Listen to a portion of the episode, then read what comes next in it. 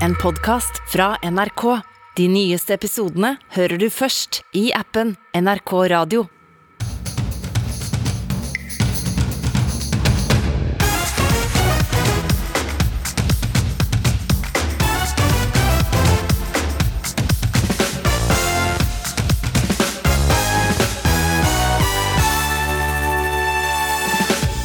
Jeg vil derfor på vegne av påtalemyndigheten på det sterkeste beklage den urett som er begått. Et av historiens største justismord ble i går et faktum, da Viggo Kristiansen ble frifunnet av Riksadvokaten for barnedrapene i Baneheia. Vi skal snart til Kristiansand for å høre hvordan avgjørelsen preger byen. Vi skal også snakke med en forsker om bruken av nye DNA-metoder. I Storbritannia har det vært ministerfall denne uken.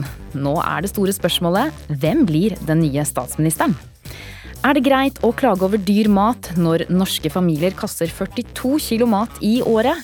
Vi lærer sparing på bestemors vis i dagens sending. Selv ikke vannet hun hadde kokt potetene i, gikk til spille. Nei, det var stivelse i det vannet, så det brukte hun som jevning eh, i supper og sauser og puddinger og bakverk. Velkommen til ukeslutt med meg, Linda Fedler. I morgen skal rundt 100 000 bøssebærere ut på vandring for å samle inn penger til årets TV-aksjon. NRK P3 satser på at galskap skal folk å få folk til å åpne lommeboka. Han har sonet over 20 år i fengsel for to av de mest grusomme drapssakene i norsk historie. Drapene på to små jenter i Baneheia i Kristiansand. Men i går ble Viggo Kristiansen frifunnet. Reporter i Kristiansand Hans Erik Veiby, hvordan er stemningen i byen i dag? Du, I dag er det som i går et tema som ja, så å si alle snakker om. Det er mange Det har jo vært Det har jo aldri ikke vært snakka om siden eh, over 20 år siden, så har det jo på en måte forblitt et tema. Og, og, i går var det jo mange som eh, Noen var glad, noen var på en måte letta over at det kom et, et svar. Eh, jeg tok en, en, liten runde i byene i formiddag og snakka litt med folk om er dette et tema som preger folk. Vi kan høre litt på, på det. Jeg tror det er noe alle prater om. Absolutt alle. Eh, både på positivt og negativt. Hva tenker du? Jeg syns det er veldig bra at han eh, ble frikjent. Jeg syns det var veldig bra. Så jeg håper alle forstår hvor mye det betyr for han. Jeg har aldri helt skjønt hvordan de klarte å dømme han på de bevisene som de hadde. Eh, så jeg er sånn sett ikke overrasket over at han nå ser ut til å bli frikjent. Jeg tror folk har fått mindre tro på rettssystemet. For nå ser man hvor lang tid det kan gå før det kommer liksom, ja, et svar. Altså at noen kan sitte så lenge i fengsel, og så, så går det over 20 år, så er det det motsatte. Så jeg håper de tenker litt mer fremtidig eh, på lignende saker. Og jeg snakka også med, med, noen som ikke hadde lyst til å snakke på, på radio, og de nevnte at eh, noen har på en måte bestemt seg for at uh, Viggo Kristiansen er den skyldige, og de har vanskelig for å, for å endre oppfatning og endre mening om det. Uh, mens andre har uh, de siste årene endra mening, og noen på en måte kanskje endra mening i, i, går. Jeg står her sammen med Kristiansands ordfører Jan Oddvar Skisland. og vi hører litt med deg. Hvordan skal på en måte, hvordan bør Kristiansand Hva, hva, hva bør skje framover for at dette skal gå videre? Jeg tror at eh, for de fleste så, veldig, så, er det veldig viktig at ting blir oppklart. Og det var det for 20 år siden også. Og, og de fleste av oss har jo levd i den eh, troa at eh, dette var, dette var oppklart, en visste hva som hadde skjedd, og riktige gjerningspersoner var dømt. Men så har nok tvilen sneget seg mer og mer inn det siste, ettersom det har kommet fram ting som tyder på at det kanskje ikke var riktig. Og Derfor så tenker jeg at det, det, er godt at vi nå har fått en så tydelig avklaring på når det gjelder Viggo Kristiansen, at han ikke er skyldig. Men nå, nå er det et, et, drap som ikke er oppklart. Hva bør skje der? Nei, Der er jeg veldig glad for at uh, Riksadvokaten er så tydelig på at dette skal fortsette etterforskninga omkring det. For det vil være ekstremt viktig at vi finner ut hva som har skjedd. Takk skal du ha, ordfører Jan Oddvar Skisland i eh, Kristiansand. Takk til deg i Kristiansand, Hans Erik Veiby. Journalist og kommentator i Dagbladet Martine Aurdal, velkommen til deg. Takk. Med gårsdagens eh, frifinnelse av eh, Viggo Kristiansen, så har vi å gjøre med et av de største justismordene i Norge noensinne. Hva betyr det? Det er eh, fryktelig alvorlig. Det er selvfølgelig en grov urett som er begått mot Viggo Kristiansen, og som hele hans familie også har fått lide for. Men det er jo først og fremst også for samfunnet en alvorlig tillitsknekk for eh, rettsstaten. Det er nesten ingenting som skader tilliten til systemet så mye som slike grove feil. Dette skal jo egentlig ikke kunne skje, og vi er jo vant til å stole på at det norske systemet, at styresmaktene jobber uh, samvittighetsfullt for å finne sannheten, og at det at når en så grov feil først er begått, da, at den kan rettes opp, er jo det som man må ha fullt fokus på framover. Hva skjer med Viggo Kristiansen fremover nå? For Viggo Kristiansen så vil eh, altså Riksadvokatens eh, påstand om frifinnelse kommer etter alle solemerker til å bli avgjort veldig raskt i lagmannsretten som en formalitet. At den frifinnelsen blir et faktum. Og så skal lagmannsretten også da uh, ut Altså sette en straff for de andre forholdene som han ble dømt for samtidig, som var en del av denne 21 års dommen, men som jo vil utgjøre en ganske liten andel av de veldig mange årene han har sittet eh, urettmessig i fengsel. Og så kommer jo likevel Baneheia-saken til å fortsette. Viggo Kristiansen kommer til å reise et stort erstatningskrav. Han vil garantert få den største erstatningssummen i norsk historie. Det er snakk om flere titalls millioner. Hvor mange titalls, det kan vi bare gjette på foreløpig. Og så får vi håpe for samfunnet, og, og særlig for de etterlatte etter jentene sin del, at det også vil uh, bli en ny tiltale i denne saken, og en ny rettssak som kan flombelyse uh, både de gamle og de nye bevisene på nytt, og forhåpentligvis bringe oss nærmere et svar på den hele og fulle sannheten om hva som skjedde med de to jentene i Baneheia den maidagen i 2000. Kort til slutt, eh, et av drapene står jo nå uløst. Hva vil skje her? Nå sier jo Riksadvokaten at eh, etterforskningen ikke bare fortsetter, men blir forsterket. Han sa i går, eh, altså Jørn Maurud, også at det ser ut som om Andersen har hatt en mer sentral og annen rolle enn det han har gitt uttrykk for tidligere. Og vi vet jo også at i nye analysene av DNA-bevisene knytter ham til begge jentene. Så antagelig eh, så er det nå fullt fokus eh, i etterforskningen på å undersøke om det kan bevises, og det må jo da i så fall være slik at Riksadvokaten igjen blir overbevist om, eh, om både skyldspørsmålet og at det kan bevises i retten hvis det skal reises en ny tiltale mot Andersen. Takk for at du var med, Martine Aurdal. Etter at Liz Truss kasta inn håndkleet denne uka, er kampen om å bli ny statsminister i gang i Storbritannia. Og utrolig nok kan Boris Johnson gjøre comeback. Mannen som ble sparket for bare seks og en halv uke siden etter løgner og lovbrudd. Korrespondent Gry Blekastad Almås tok turen ut i et regntungt London for å høre hva folk tenker om en mulig ny statsministerrunde for Lysluggen. Boris Johnson should come. You, th you think he should yeah, come back? Why? I think, um, I think he was doing okay, to be honest. Uh, I øsende regn forteller Jazz Zion at hun ønsker Boris Johnson tilbake som statsminister. Han gjorde det ikke så verst, mener hun, og mannen som forlot posten for bare seks og en halv uker siden. Thank you so much. You don't have an umbrella? I don't, so I think I'm gonna go oh, in there. Når skuren er over, våger jeg meg på å spørre flere briter om det politiske kaoset etter at Liz Truss trakk seg som statsminister før helgen. Og også Louise Raceland vil gjerne se et comeback for den svært kontroversielle eksstatsministeren. Boris might make a comeback. And would you like that? I wouldn't mind actually. Yes, I didn't. I didn't mind Boris. Yes. Why? Why would you like him back?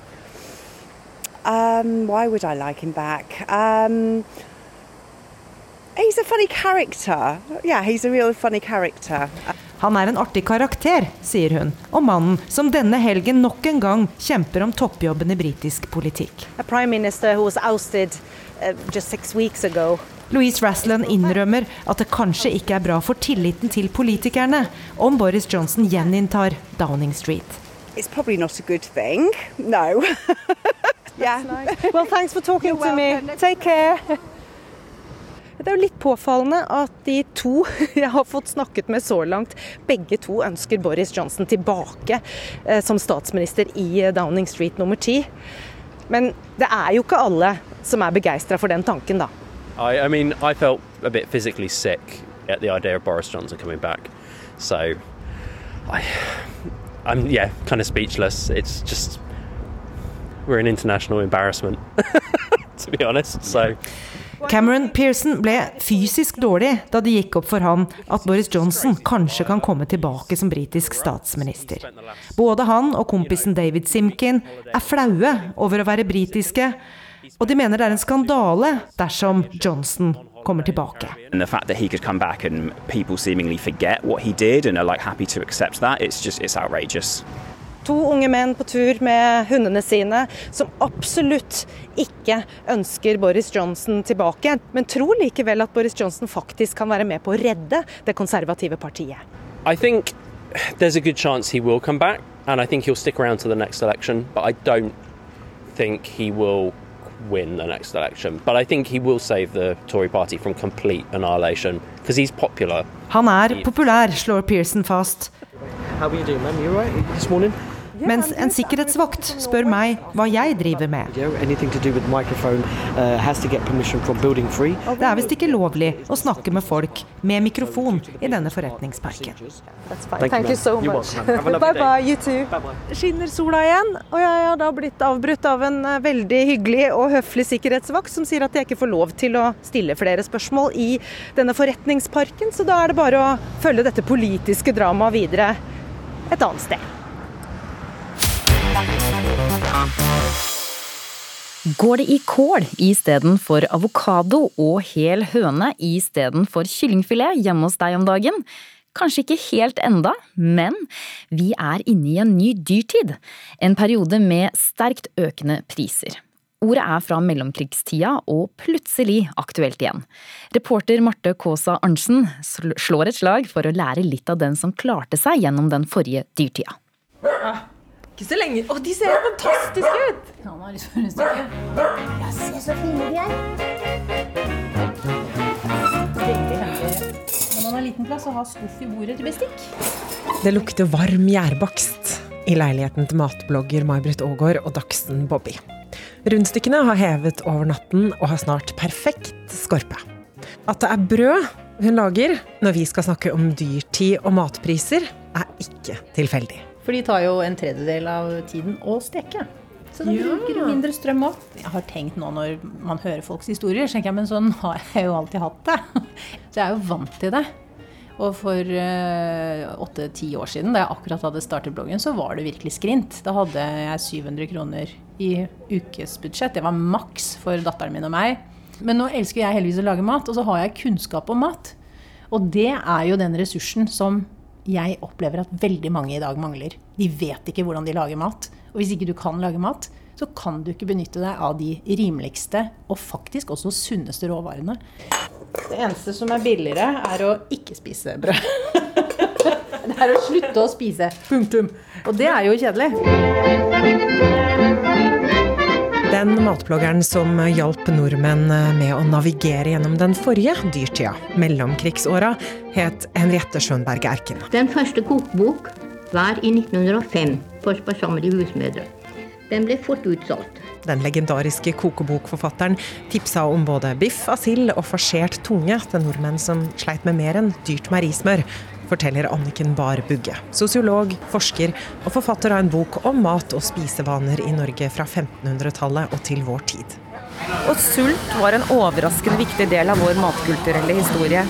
Og det som slo meg, det var at jeg aldri har opplevd å være sulten. Jeg aner ikke hva sult er, eller det å være usikker på å få mettet familien min. Og slik var det jo ikke for våre formødre og forfedre. Sult har vært en viktig del av vår matkulturelle historie. Hva kan vi lære av bestemødrene våre? Vi har så mye å lære. Mange ganger når jeg jobbet med mathistorien vår, så tenkte jeg ikke bare at vi hadde en fantastisk rik og spennende historie, men også eh, hvor mye vi har å lære. Og det handler om eh, bærekraft, og det handler om innovasjon. De var altså så innovative. Ikke hadde de kjøleskap, ikke hadde de fryser. De hadde sparsomt med ressurser, sparsomt med utstyr. Og de var så utrolig gode på dette med å få maten til å vare.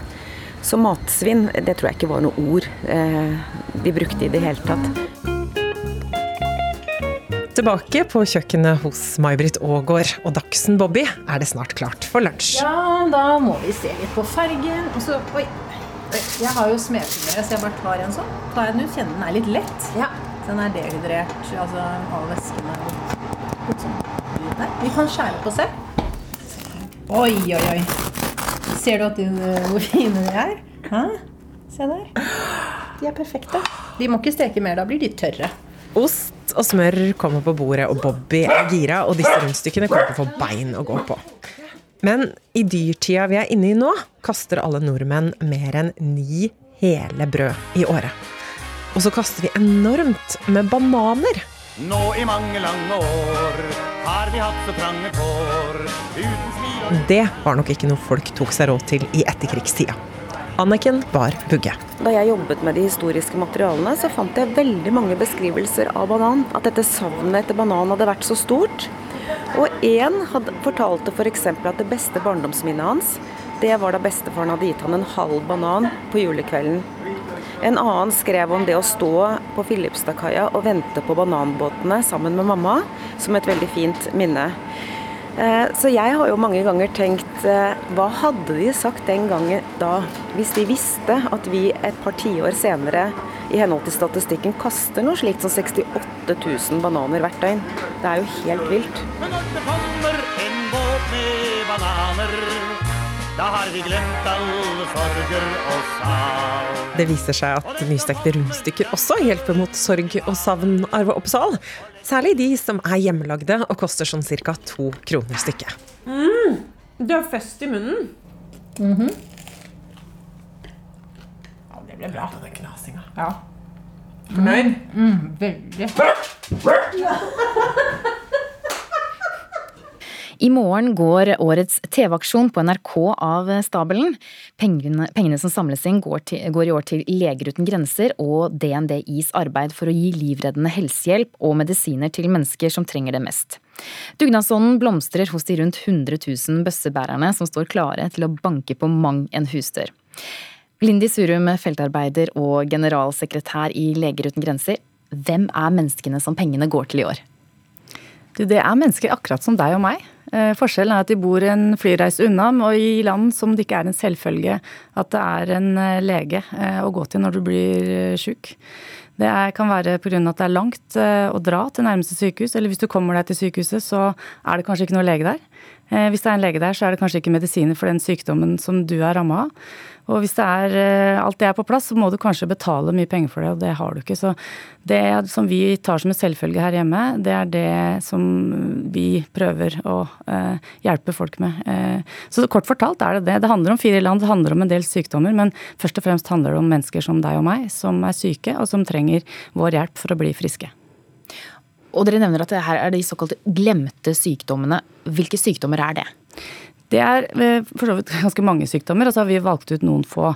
Eh, det er sykdommer som ikke noe man kan få her hjemme, som leishmaniasis eller eh, sovesyke. Men også sykdommer som malaria og meslinger. Hiv, hepatitt C, som vi har hørt om, men som kanskje vi tenker at det er jo ikke noe man trenger å dø av i dag. Men det gjør dessverre altfor mange mennesker i de landene vi jobber i. Men hva er sovesyke? Sovesyke er en eh, virussykdom du kan få, eller en parasittsykdom du får ved et, eh, å bli bitt av en sandflue. Og eh, fram til for ikke så mange år siden så var det en sykdom som det eh, ikke Eller fantes en kur, men den var eh, så eh, farlig. Altså det var så Den var med arsenikk, faktisk. så man kunne faktisk dø av den behandlingen som fantes. Var veldig smertefull. Og så har da vår søsterorganisasjon, som vi organiserer Eller som vi har eh, TV-aksjon sammen med, DNDI, de har utviklet nå eh, en, eh, en, medisin som ikke er så smertefull, og som er veldig effektiv. Så TV-aksjonen kan i år være med å skrive medisinsk historie, fordi vi skal også da, pengene skal gå også til å utvikle medisiner som, for sykdommer som rammer mennesker som ikke er økonomisk interessante for legemiddelindustrien. Og hvert år i forbindelse med TV-aksjonen så arrangeres også P3-aksjonen på NRK radio. 100 timer med galskap, underholdning og musikk. Og en av programlederne der i år, det er deg, Arian Engebø. Dere har holdt på non stop radiosending og pengeinnsamling siden onsdag denne uken. Hvordan går aksjonen så langt hos dere? Eh, jeg vil si at den går veldig bra. Eh, det er jo masse vi programlederne skal igjennom. Vi har eh, Karsten Blomvik som har måttet forvandle seg til Gollum fra 'Ringenes herre'. Anna Nord Sørensen har blitt til, til Annie fra musikalen Annie, og vi har fått samla inn over 2 700 000 kroner. Så det, så langt så syns jeg det går veldig veldig bra, og jeg, eh, gleder meg til de timene vi har igjen av P3-aksjonen. Ja, dere gir hverandre ganske drøye utfordringer, og vi kan jo høre da du Arian, måtte gå gjennom en nokså hårete forandring. Jeg skal bli en fotballspiller. Manbun og legge hår og kjønnshår i fjeset. Altså, Det blir, det blir helt nydelig, blir det ikke det? Jo. Og det er på tide å finne ut hvordan Arianne ser ut etter sin makeover. Har bidd til Gareth Bale, Wales sin store sønn. Vi er klar for å se hvordan Arianne er blitt. Aran, Hvor mye hjelper det å spille på galskap for å få inn penger? For Dere har jo også fått mye kritikk tidligere for å være for drøye? Ja, eh, det hjelper nok en god del at vi eh, går relativt langt for å få inn eh, penger for å nå målene våre. Og det å få kjønnshår i fjeset er jo ikke noe man gjør til vanlig. Altså, det er jo ganske drøyt, men allikevel så ser vi at det får lytterne og seerne våre til å bli engasjerte. Og så er det i det store en veldig liten ting som vi kan gjøre for å støtte Leger uten grenser i årets P3-aksjon. Og så er jo veldig mange av de tingene som vi gjør altså Det å få kjønnshår i fjeset er jo eh, liksom Det er jo bare ekkelt. Det er på en måte det som er faktoren der. Men mange av de andre tingene som eh, vi programlederen blir utfordra på, er jo litt sånn indre konflikter.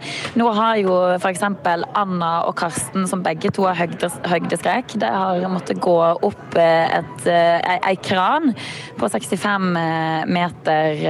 Og det er jo noe som de selvfølgelig syns er vanskelig å stå i, men de har gjennomført fordi at det har gjort at vi har trent inn mange penger til Leger uten grenser. Så eh, det funka jo.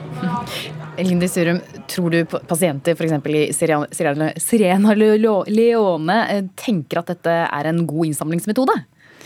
Ja, det, hvorfor ikke? Eh, det er jo ikke sånn at eh, mennesker i Sierra Leone eller Den sentralafrikanske republikk ikke har humor, ikke eh, driver med drøye ting og pusher sine egne grenser, sånn som de folka i P3 gjør nå.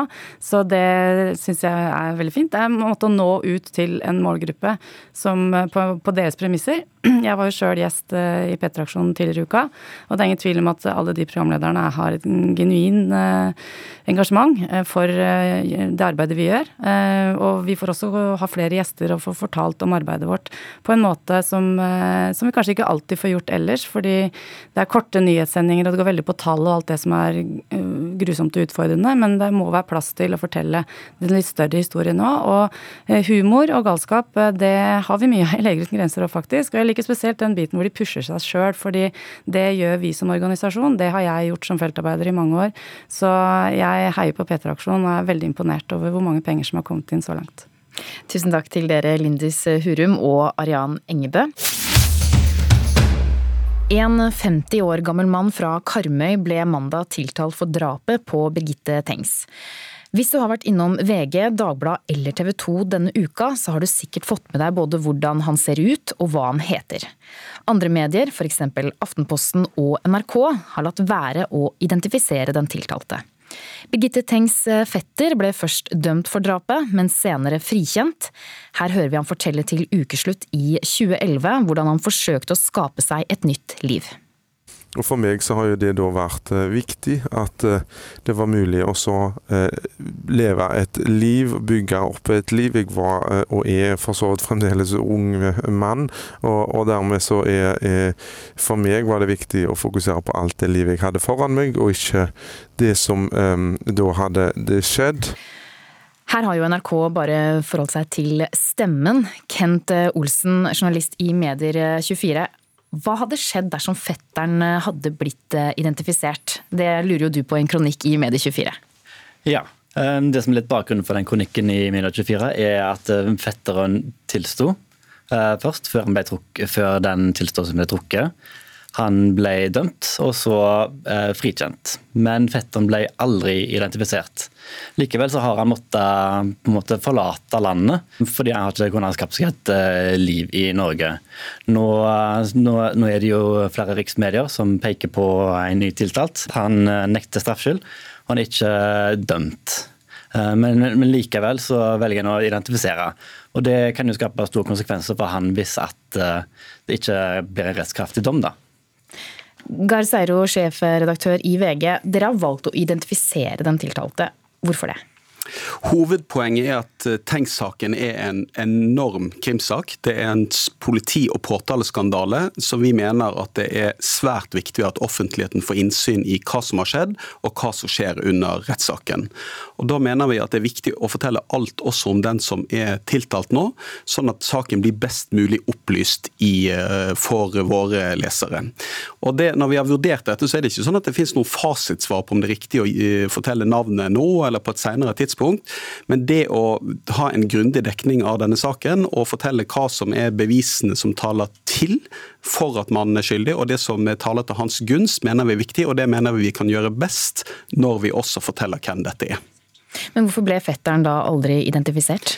Det er det flere årsaker til. og det er For det første det er lenge siden, og det var før denne saken ble en politiskandale. må vi si. Så saken er helt annerledes i dag enn den gang. Men det, er, det var flere ting som talte for, mot å identifisere han den gangen. Det var hans unge alder, det var at han var i nær familie med den drepte, og at bevissituasjonen var en annen den gang enn den er nå. Og nå er det en mann fra Karmøy som er tiltalt, og Riksadvokaten mener at de kan føre bevis for skyld. Hvorfor er det da problematisk å gå ut med navn og bilde, Kent Olsen?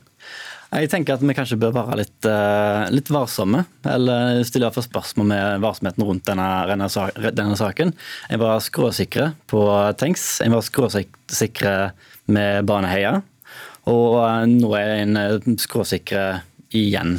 Vi er ikke skråsikre i denne saken, bare for å understreke det. Vi mener at denne saken skal opp til doms, og vi mener at vi har sett at påtalemyndigheten mener at Eh, det finnes bevis for å ta ut en tiltale, og at domstolene har vurdert disse bevisene tidligere og sagt at de mener at de taler for at han er skyldig.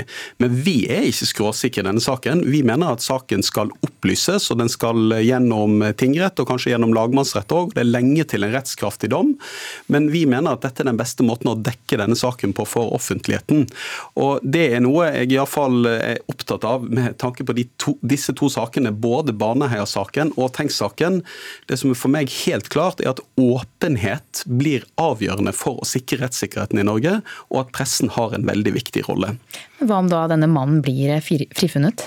Ja, Da vil det være en ny eh, politiskandale, eh, mener jeg, og en ny påtaleskandale. fordi at de, Det er vel sagt tidligere at det her kan de ikke gå to ganger i denne retten. med, med altså, De var en skandale der fetteren ble tiltalt, og det vil jo være en ny skandale nå hvis dette viser seg å ikke være riktig. Men samtidig mener jeg at det er klart at det er en belastning for den tiltalte nå å bli navngitt. Det forstår, det forstår vi, men vi må veie den belastningen opp mot offentlighetsbehov for å få innsyn i denne saken.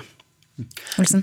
Det som er litt interessant, er jo at eh, du har, du har altså VG, du har Dagbladet og TV 2 som har eh, identifisert eh, og har gode begrunnelser for det, som jeg mener.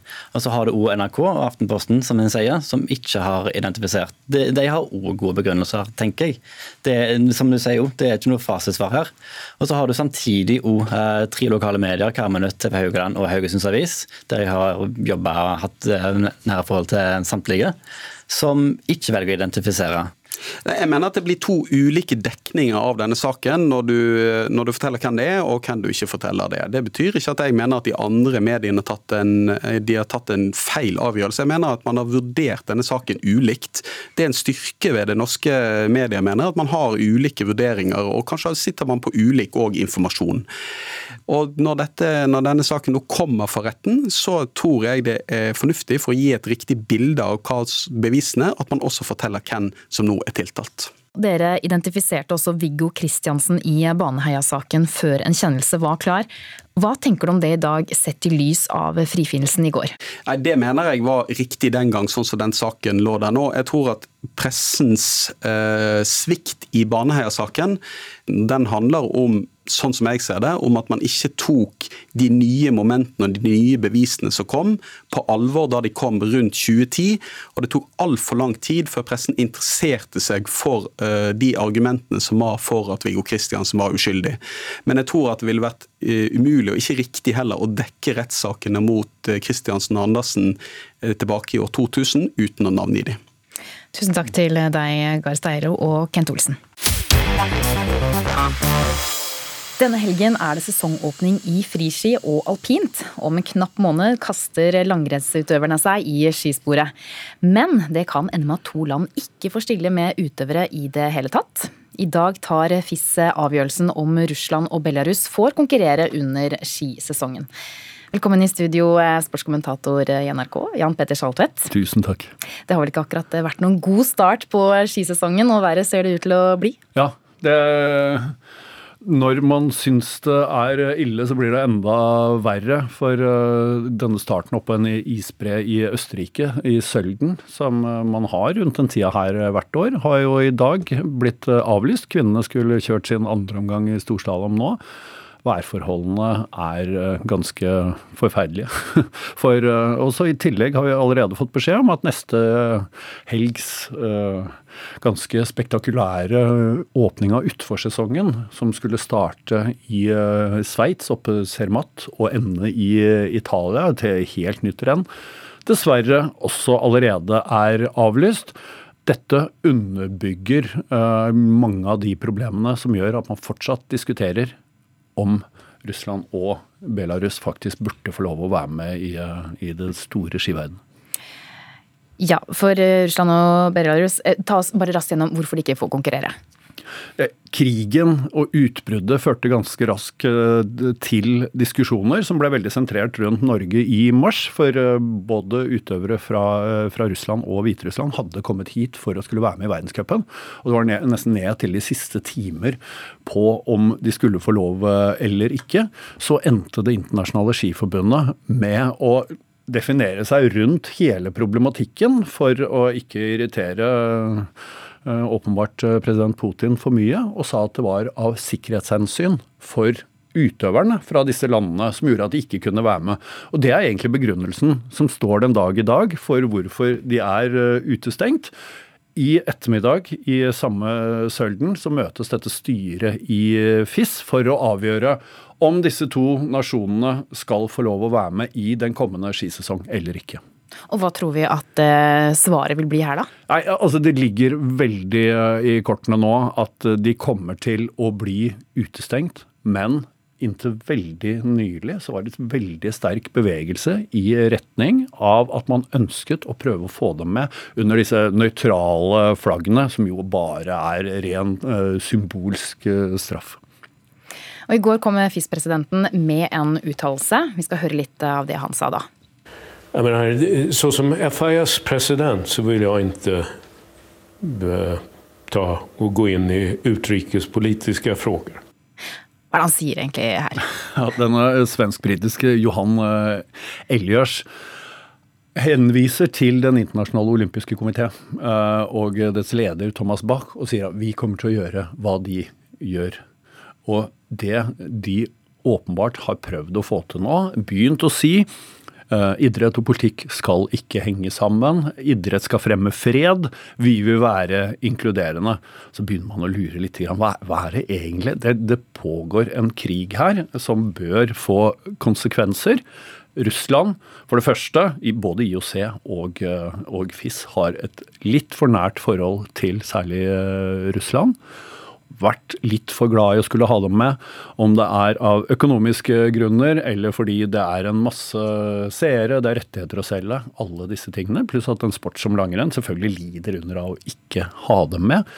Og så begynner man plutselig å skulle definere idrett og politikk som to forskjellige ting, når man har en president i eh, krigsmakten Russland som mer enn noen har blandet disse tingene. Og som du nevnte, i ettermiddag så skal da FIS avgjøre om disse to landene får delta under årets eh, skisesong. Tusen takk til deg, Jan Petter Saltvedt. Vi skal alle dø, men veit du hva du ønsker skal skje med levningene dine etterpå? Det begynner å bli trangt på kirkegårdene i de store byene, og med stadig stigende innbyggertall må kommunene tenke nytt. Først ut er Trondheim, som skal søke om å få vannkremere de døde. Men er folk åpne for å løses opp i lut? Reporter Kari Li dro dit mange Oslo-borgere ender til slutt. Nå har vi kommet inn i det kalde kjølerommet. Det er hvite fliser på veggene og grå på gulvet i rommet som er like kaldt som et kjøleskap. 40 hvite trekister omgir oss, og for meg ser det ut som de svever i lufta. Inni hver kiste ligger det en død person.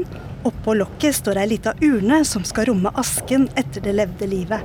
Eh, vi kremerer ca. 20 kister om dagen. 100 kister i uka er eh, ganske normalt tall.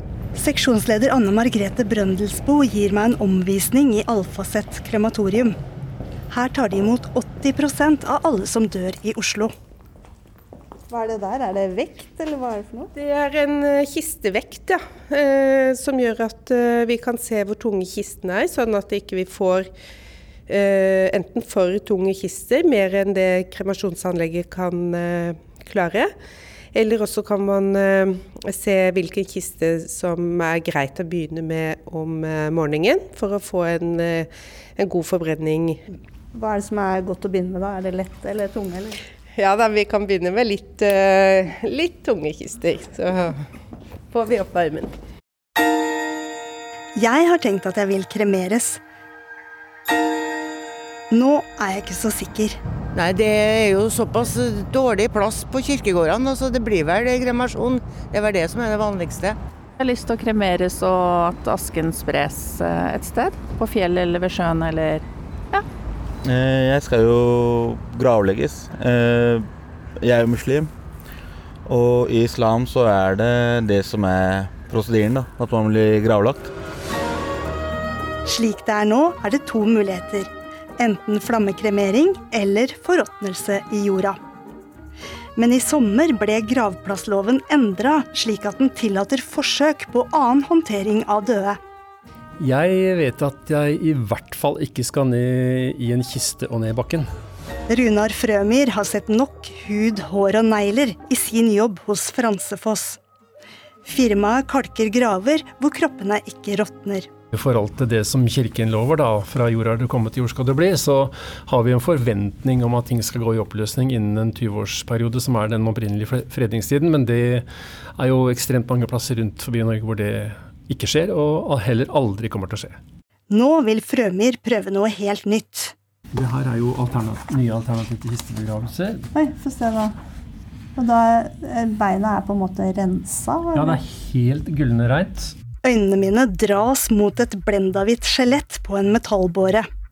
Avisutklippet viser ikke levningene til den avdøde sørafrikanske kirkelederen Desmond Tutu, men han skal ha valgt samme metode. Her hjemme bekrefter Kirkelig fellesråd i Trondheim at de vil søke om å få prøve vannkremasjon. Det er nok en tilvenning som må til her, tenker jeg, i forhold til befolkningen. Vannkremasjon innebærer at den døde legges i en slags lutblanding i fire-fem timer. Da forsvinner alle bløte deler, inkludert DNA. Luten tilsettes så syre for å bli nøytralisert. Vann og et bleika skjelett er det som blir igjen. Det legges i en kremulator, kvernes, og så legges beinrestene i eh, en urne. Hvor blir det av vannet? Det som blir gjort i andre land hvor det er godkjent, er faktisk at det slippes ut på det vanlige kommunale avløpsnettet, og så går det inn til et renseanlegg. Så er det med på å være tilbake igjen til naturen, da. Det er jo flere jeg har snakka med som sier å, vannkremasjon, det er sånn mafiafilm. Der man kvitter seg med folk man ikke vil man, noen skal finne. Eh, Ja, det har vel vært noen eh, historier som har versert om, eh, om det, men det her er jo en helt styrt prosess som er automatisert, og det er med verdighet og kontroll, og det var vel ikke sånn mafiaen opererte. Så man blir litt sånn lutefisk, da, eller? Men hva skjer med kroppen da? Blir det bare sånn gelé, eller? Ja, det blir løst opp. Det blir ingenting igjen, bortsett fra skjelettet, da. Det ligger jo tilbake. Ja, ja, ja. Så lenge man liksom får eh, utnytte plassen litt bedre, så er det jo alltid bra. Den her ideen om at kanskje mine oldebarn kan en gang sitte under min skygge og liksom spise jeg vet ikke, epler. Du kunne tenke deg å bli et tre, rett og slett? Ja, jeg føler at selv etter min død så gir jeg noe til samfunnet.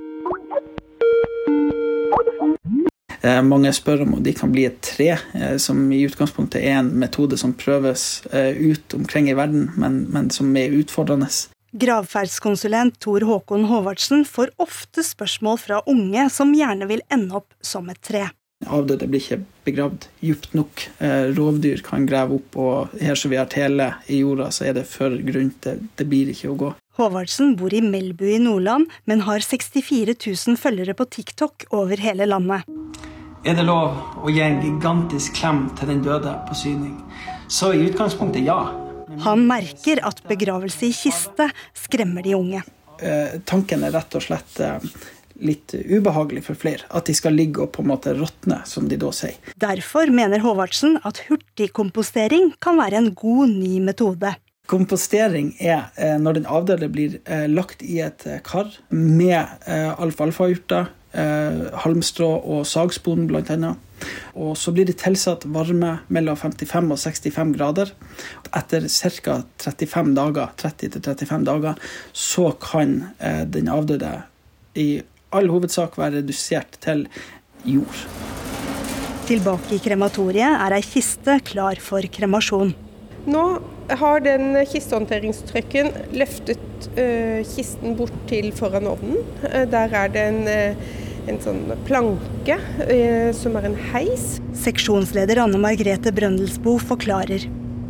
Så løfter plankeheisen den hvite kista langsomt opp mot ovnsdørene. Inni ovnen er temperaturen inntil 1100 grader. Kista skyves inn. Med ett tar flammene tak, og kista lyser opp. Så lukkes dørene igjen.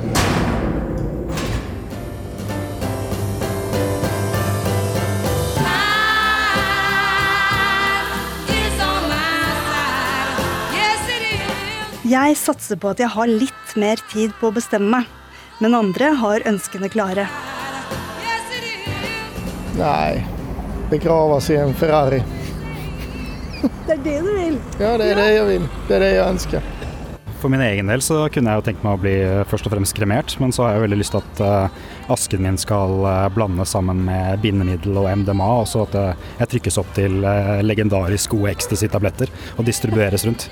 Jeg tenker jo at det er en veldig fin måte å komme tilbake igjen til jorda på, å bli spist av titusenvis av mennesker som får det kjempebra.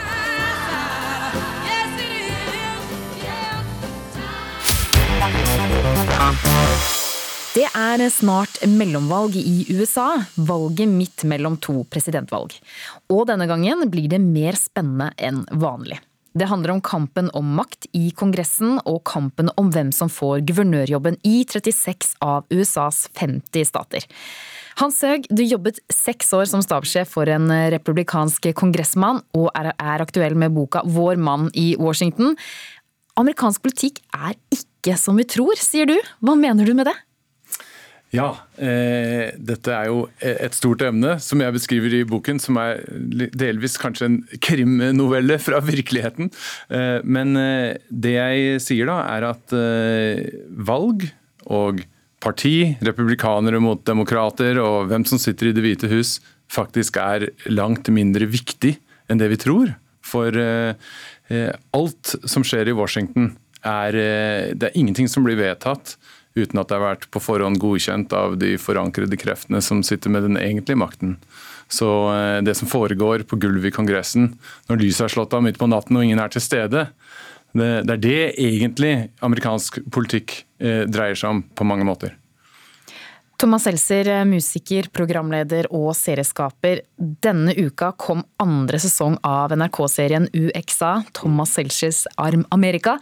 Amerikansk politikk er ikke som vi tror, hører vi. Er ikke Amerika som vi tror heller?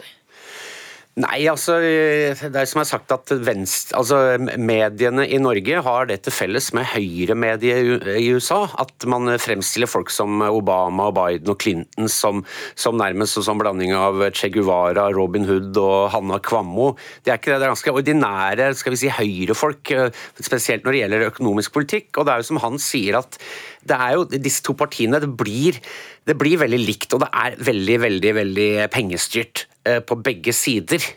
Sånn at ja, Det er som Frank Zappa sa en gang, at uh, politikk er underholdningsavdelingen til det militærindustrielle komplekset. Uh, satt på spissen, men også kanskje ikke så veldig satt på spissen. For det, er, det, er, det, det som er, er at, som jo er min på en måte sorg uh, i denne serien vi har laget, er at amerikanere flest stort sett er veldig enige om veldig mye. Og en av de tingene som f.eks. amerikanere har et likhetsideal, men det lærer vi ikke om her i Norge, men de har et likhetsideal. Det er litt annerledes enn det nordiske, men de har et likhetsideal. Og det likhetsideal det handler også mye om Altså Det er jo Jørgen Hattemakers rike. Det handler om at folk skal ha en fair shot i livet. Men det handler også veldig mye om at det skal være likhet for loven. Og at korrupsjon det er det verste veldig veldig, veldig mange amerikanere vet, uavhengig av politisk ståsted. Og det at penger skal spille en rolle i politikk, hvis du ser på meningsmålinger om det, det er sånn 90 7% av amerikanere syns at det er noe skikkelig dritt. Men Høg, du skriver i boka di om et selvopprettholdende system av korrupsjon og tjuvtriks. Det her må du forklare mer. For å ta en en kort episode fra boka. da. Det var rett før jul 2014 hvor Kongressen hadde reist hjem og tatt juleferie. Og så var flyet vårt, altså min venn, som også heter Thomas, kongressmannen, og jeg, vi ble igjen fordi flyet var innstilt. Og så oppdaget vi at de faktisk vedtok ting på gulvet i Representantenes hus, hvor det var bare fire representanter til stede, så vi stormet ned dit da, for å få det stoppet. Og, men de greide å komme seg gjennom 13 lovforslag, da, som til slutt ble lover. Og vi stoppet dem fra å gjøre en hel rekke andre som de hadde planer om. Eh, men dette da skjedde jo helt uten representasjon. Og jeg husker Thomas kikket opp på meg, og han har vanligvis så rød i kinnet og alltid et uh, smil på lur. Og han var likblek og fortrakk ikke en mine, så sier han Hans. Uh, USA er ikke et demokrati. Og, og, dette var jo lenge før Trump. Og dette har pågått i lange tider. Før Obama, før Bush. Uh, så dette er litt av den krimmen jeg skriver om i boka, da. Men er dette måten de vedtar saker på? Veldig ofte, ja. Når det virkelig gjelder, så plutselig forsvinner partilinjene. Og så rotter man seg sammen, og så prøver man å lure ting gjennom tomme kammer. I serien din Thomas Seltzer, så snakker du om slaveriet som den store arvesynden. Vi skal høre litt her. Ja, når jeg står her ved den legendariske Edmund Petters-broa her i Selma, Alabama, hjertet av de gamle sørstatene, så slår det meg at den amerikanske borgerkrigen den tok aldri slutt. Mange jeg snakker med her nede, sier at slaveriet det er den amerikanske arvesynden, og det tror jeg de, de har rett i. Men det jeg tror virkelig river og sliter i Amerika den dag i dag, det er det faktum at det aldri ble tatt et oppgjør med slaveriet. Ligger noe av årsaken til den store splittelsen i USA her? Ja, altså Identitetspolitikk er et begrep man bruker veldig mye i dag. Hvor man da amerikanere deler seg inn etter etnisitet og rase og seksuell legning og sånne ting. og Det, det jo, blir jo veldig ofte forbundet med liksom gnål fra venstresiden når du ser i høyrepressen. Men det, identitetspolitikk ble egentlig oppfunnet av plantasjeeierne på 1600-tallet. For du hadde en stor andel av hvite som var faktisk gjeldsslaver, tvangsarbeidere fra Europa. Og så hadde du da de svarte slavene, sånn som vi kjenner det fra fra de mer kjente historiene. og de, Der var det det var ikke noe som het svart og hvitt på den tiden, men så var det et opprør hvor da kolonihovedstaden Jamestown ble brent ned av svarte og hvite treller. Og da kom slaverne opp med en idé om at hva hvis vi gir noen av disse her et privilegier, og så tar vi privilegier fra de andre, og da får vi splitta dem. Og, da, og det var fødselen for, av identitetspolitikk i USA. Høg, er demokratiet i USA i fare? Ja, Basert på det jeg sa tidligere, da, så vil jeg kanskje si at hvilket demokrati? Eh, demokrati har jo egentlig ikke fungert som det skulle i, i lange tider. Så eh, på den måten da, så er det ikke i, i fare, fordi det er allerede borte. Eh, om det er fare for at det systemet vi har nå, og måten ting fungerer på nå, eh, blir borte eller endret med, med valget eller fremtiden, det er jeg ikke så sikker på, for disse forankrede kreftene de er ganske forankrede og de er ganske store, og det skal mye til. Selv for en villstyring som Trump f.eks. Å, å rokke ved dem. Eh, så på en måte da er det eh, paradoksalt nok eh, kan gi oss en viss trygghetsfølelse på en rekke ting, bl.a. da Ukraina. Det er aldri i verden så vil USA ikke blande seg inn hvis det skulle skje noe der. Fordi de militærindustrielle komplekset vil ikke tillate å ikke blande seg inn. Det ligger for mye penger i det, rett og slett. Takk for at dere var med i Ukeslutt, Hans Høeg og Thomas Seltzer. DNA-bevis kan enten klistre et menneske til en drapssak, eller frikjenne, frikjenne en mistenkt. Nye DNA-metoder gjør at stadig flere drapssaker må revurderes. I går ble det kjent at Riksadvokaten frifinner Viggo Kristiansen i Baneheia-saken, hvor DNA-bevis har endret hele bevisbildet.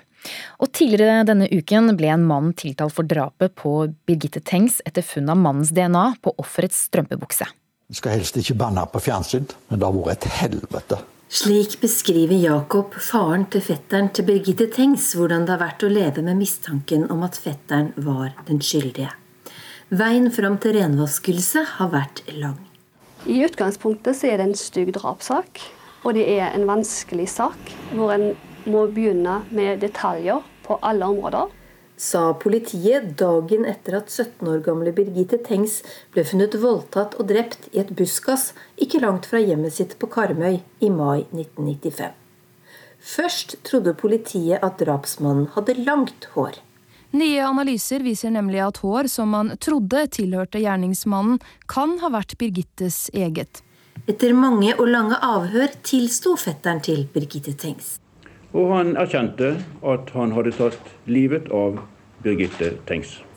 Men etter hvert trakk han tilståelsen og ble frikjent. Jeg har funnet at den bekreftelse som den sikta ga på Haugesund politikammer i avhør, neppe stemmer overens med de øvrige bevis i saken. Likevel ble han dømt til å betale erstatning til Birgittes familie. Så ble saken gjenopptatt i 2016. Det har vært utvikling innenfor eh, teknologi, innenfor etterforskningsmetodikk. Og det har en verdi å se på en slik sak med nye øyne. I 2019 ble det gjort nye DNA-analyser. DNA-funn fra strømpebuksa til Birgitte Tengs matchet med en 52 år gammel mann fra Karmøy, som politiet tidligere hadde sjekket ut av saken. Neida, Han står fast på at han har ingenting med denne saken å gjøre. og Han bruker ord som mareritt og justismord, eh, og, eh, og håper han skal våkne opp fra dette snart. Nye analyser av DNA-spor har også vært avgjørende i Baneheia-saken. Jeg kommer aldri til å innrømme noe som jeg ikke har gjort. Sa Viggo Kristiansen i en dokumentar på Discovery Pluss. Først i fjor ble han sluppet fri, etter at DNA-analyser pekte mot Jan Helge Andersen. Nei, Han er selvfølgelig kjempefornøyd. Fortalte broren til Viggo, Trond Kristiansen. Jeg selvfølgelig merker spesielt på meg sjøl og min mor og min far. Um, som uh, to som har absolutt hatt det tøffeste på denne situasjonen. Så Det er bare sånn en, ja, det er vanskelig å forklare. Det er en sånn glede som jeg aldri har uh, ja, vært borti noen gang uh, tidligere. Reporter var Linn Beate Gabrielsen. Thomas Berg, du er leder på Rettsgenetisk senter i Tromsø. Vi har lenge trodd at eh, bare man har DNA-bevis, så er skyldspørsmålet klart. For det første, hvor lite skal til før vi avsetter DNA-et vårt på noe eller noen? Ja, det skal, kan være veldig lite som skal til for at man skal avsette DNA eh, på noe eller no, eh, noe. Eh, hvis man eh, avsetter biologiske spor, som vi kaller det, i form av en kroppsvæske, blod, spytt eller sæd, så vil det jo ofte bli relativt mye DNA. Men hvis man bare tar på en person eller tar på en gjenstand, så vil man også kunne avsette DNA, men det vil jo være i mye mindre mengder enn, enn hvis man avsetter kroppsvæske. Men hvor sikre er DNA-beviset i dag? Ja, Hvis man har et godt DNA-spor som gir en fullverdig DNA-profil, så vil man jo være veldig sikker på hvem som har avsatt det her sporet.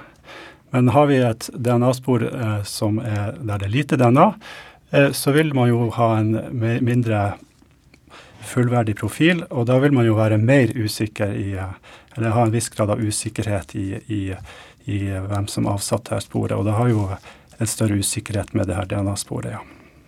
Men er det mulig å ta feil og ende opp med å dømme feil person eh, i dag, sånn som man har gjort tidligere? Uh, Ut fra DNA? ja, det kan ikke jeg uttale meg om, da. Men uh, det med å identifisere hvem som har avsatt sporet, er man jo ofte ganske sikker på nå til dags. Så problemstillingen blir jo ofte med hvordan DNA har havna i det sporet. Er det avsatt i forbindelse med kriminell handling, eller har det kommet der på andre måter? Hva er det som kreves i tillegg til DNA da, for at noen skal dømmes i retten? Ja, Det er jo påtalemyndighetene retten som gjør bevisvurderinger. Eh, men uh, det er jo rett å si at, at et DNA-bevis det skal ikke stå alene. Som sagt, det sier noe om hvem som har avsatt det sporet, men, men sier mindre om, om hvordan det DNA-sporet har havna der. Så da er det jo retten som må ta i betraktning andre bevis og forklaringer i saken, da, og som DNA blir en del av. Og så er det dette Y-kromosomet som er viktig i eh, DNA-beviset i Birgitte Tengs-saken. Hvor unikt er eh, Y-kromosomet? Ja, Undersøkelser av Y-kromosom har jo vist seg å være eh, særlig nyttig i sånne typer saker som er vold og sedelighetssaker. Typisk er jo det saker der det er en, eh, snakk om en mannlig gjerningsperson og så et kvinnelig offer. Men Kan andre i Norge ha det samme Y-kromosomet? Ja, nære slektninger vil ha nære mannlige slektninger vil ha, kunne ha det samme i kromosomet. Men for å si noe om det andre i, menn i den generelle befolkninga, så gjør jo man da en, en vurdering der man ser de har data fra eh, et utvalg av den norske befolkninga og ser hvor vanlig en sånn Y-profil vil være i befolkninga. Basert på sånne eh, beregninger så kan man si noe om, om hyppigheten av en, eller hvor unik en, en Y-profil vil være i befolkninga. Eh, men man kan eh, nok ikke si, være helt sikkert og si at den i profilen er, er unik. Man kan si at man ikke finner den blant 1000 menn f.eks., men ikke si at det bare er den mannen som har den, akkurat den i profilen. I Tengs-saken så har man jo bl.a. jobbet med DNA fra hår, en blodflekk og et håndavtrykk på en strømpebukse. Hvilke DNA-bevis er de sikreste? I, det er jo eh, vil jo variere fra sak til sak, men når det gjelder liksom hvor sikker man er på selve profilen i seg sjøl, så vil det jo være en profil som er der det har vært mye DNA, og at det ikke er en blanding av DNA fra flere personer. For det vil jo også være en utfordring hvis man f.eks. fremfører en DNA-profil fra et offer, og så er det DNA både fra offeret og fra gjerningspersonen eh, i det DNA-sporet. Og En sånn blandingsprofil vil man være mer usikker enn en, en ren DNA-profil. Da sier jeg tusen takk til deg, Thomas Berg. 14.10 hadde filmen 'Triangle of Sadness' norgespremiere. I regissørstolen sitter svensken Ruben Østerlund, en mann som er kjent for å ta publikum et godt stykke utenfor komfortsonen. Og det kan man jo si at man har gjort i den siste filmen sin også, for flere internasjonale anmeldere og medier omtaler den som årets ekleste film. Som kan ha noe med den voldsomme eksponeringen av kroppsvæsker om bord på et synkende cruiseskip.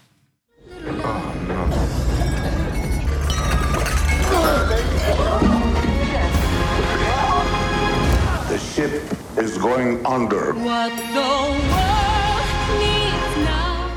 Denne filmen er neppe den eneste historien som har fått publikum til å føle på både ubehag og vemmelse, og der noen har sett seg nødt til å forlate kinosalen. Filmkritiker Brita Møystad Engseth, du er her og du skal friske opp filmminnene våre. Men aller først, er det like lett i dag å sjokkere kinopublikum som det en gang var med ekle filmtriks? Eh, nei, ikke med, ikke med, spesialeffekter, ikke splatter, ikke blod, gørr, sånn som jeg vokste opp med. Ikke på samme måte, men, men øh, psykologisk ubehag. Øh, og kanskje fysisk ubehag, men ikke, ikke sjokk på den måten som man opplevde på 70- og 80-tallet. Og du har jo tatt med deg noen eksempler på filmer som skapte oppstandelse hos publikum da de kom. Og vi skal høre klipp fra den aller første filmen du har tatt med her, og det er mange garantert som vil dra kjensel på denne lyden.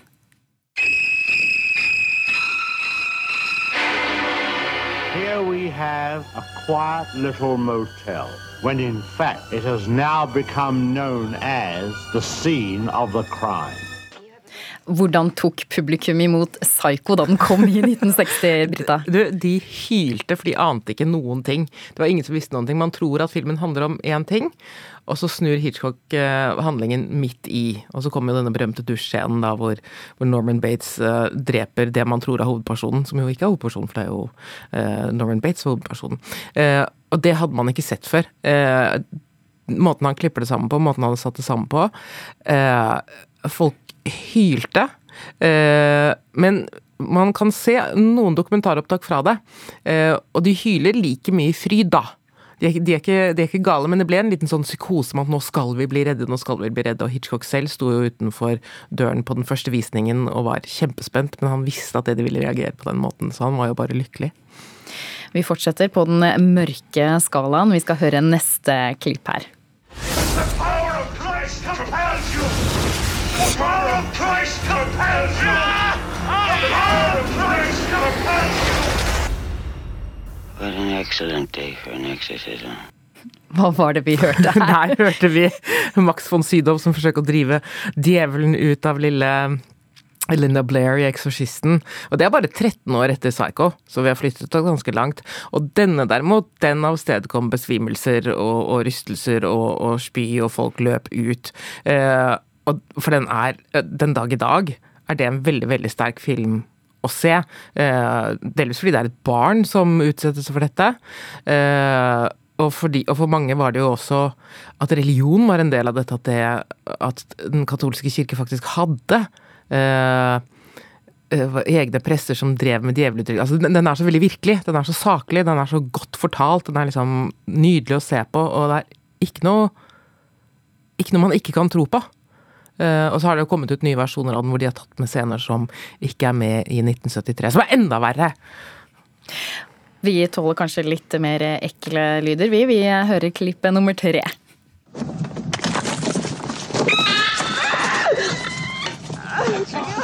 Oh, God.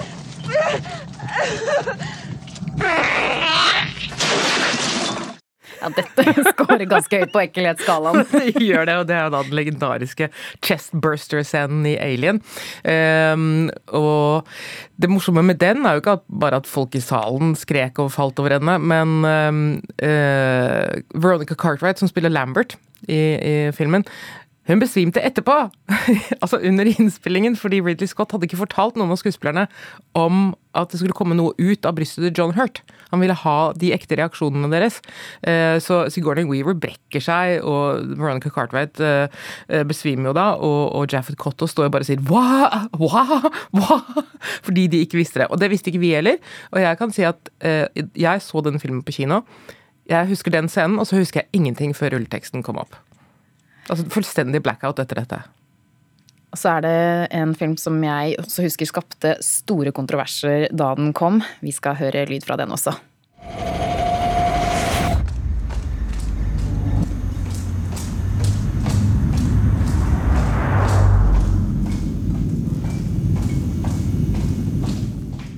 Klikkende hæler. Mm. Hva er dette?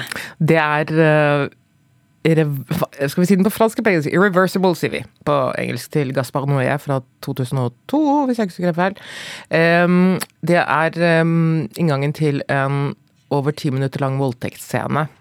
Uh, og den gjorde at Da den hadde premiere i Cannes, uh, så måtte 20 mennesker i publikum få oksygen eh, fordi de hadde besvimt og eller fått blackout eller hva det måtte være. Og flere forlot også salen. Og man skulle jo tro at Cannes-publikummet ville ha, som er et profesjonelt publikum, som har tålt mye, men det taklet de ikke. Og det er ikke nødvendigvis fordi at dette var eh, Dette er jo ikke splatter eller eh, hjernemasse eller noen ting. Dette er det massive ubehaget over å være til stede eh, under et overgrep som er så ekte og reelt at, det, at, du kjenner det på din egen kropp.